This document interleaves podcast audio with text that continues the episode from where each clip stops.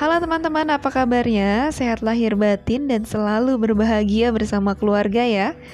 Oke, dalam cerita Intan kali ini saya mau ngebahas sedikit tentang parenting.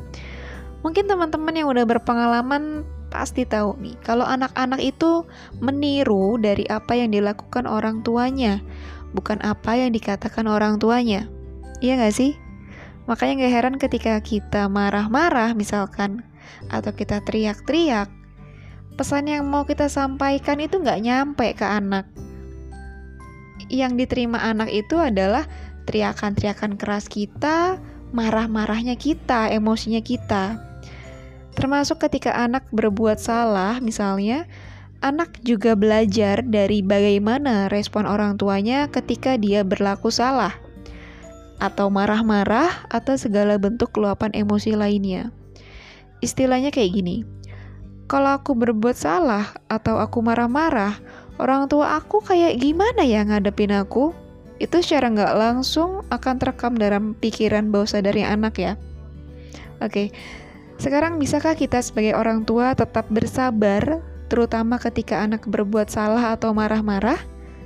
Bersabar di sini bukan diam aja ya, tapi tetap bertindak tegas dengan dasar kasih sayang dan juga dengan cara yang kasih sayang juga.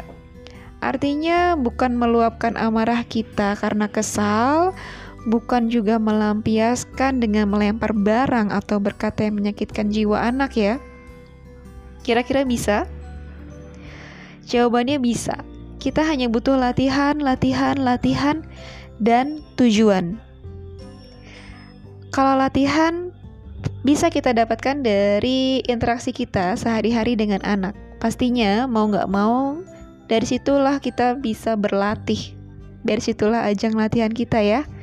Dan untuk tujuan, tujuan ini biasanya kayak gini.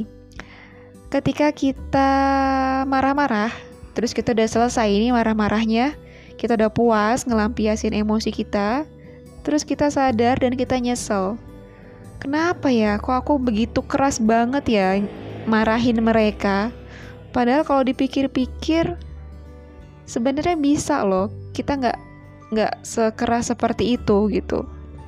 Dan kalau udah nyesel, dari situ kita bisa mikir, tujuan kita buat apa sih sebenarnya memarahi anak?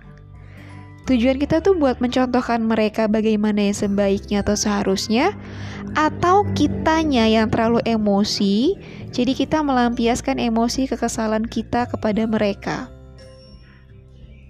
Nah, biasanya sebenarnya ini pengingat juga ya buat saya dan saya harap juga jadi bermanfaat buat uh, teman-teman yang lainnya.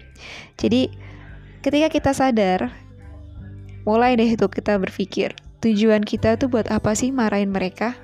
Kira-kira ada cara lain nggak yang pesannya bisa tersampaikan ke anak? Pesan yang seharusnya tersampaikan ke anak itu yang seperti apa? Caranya seperti apa?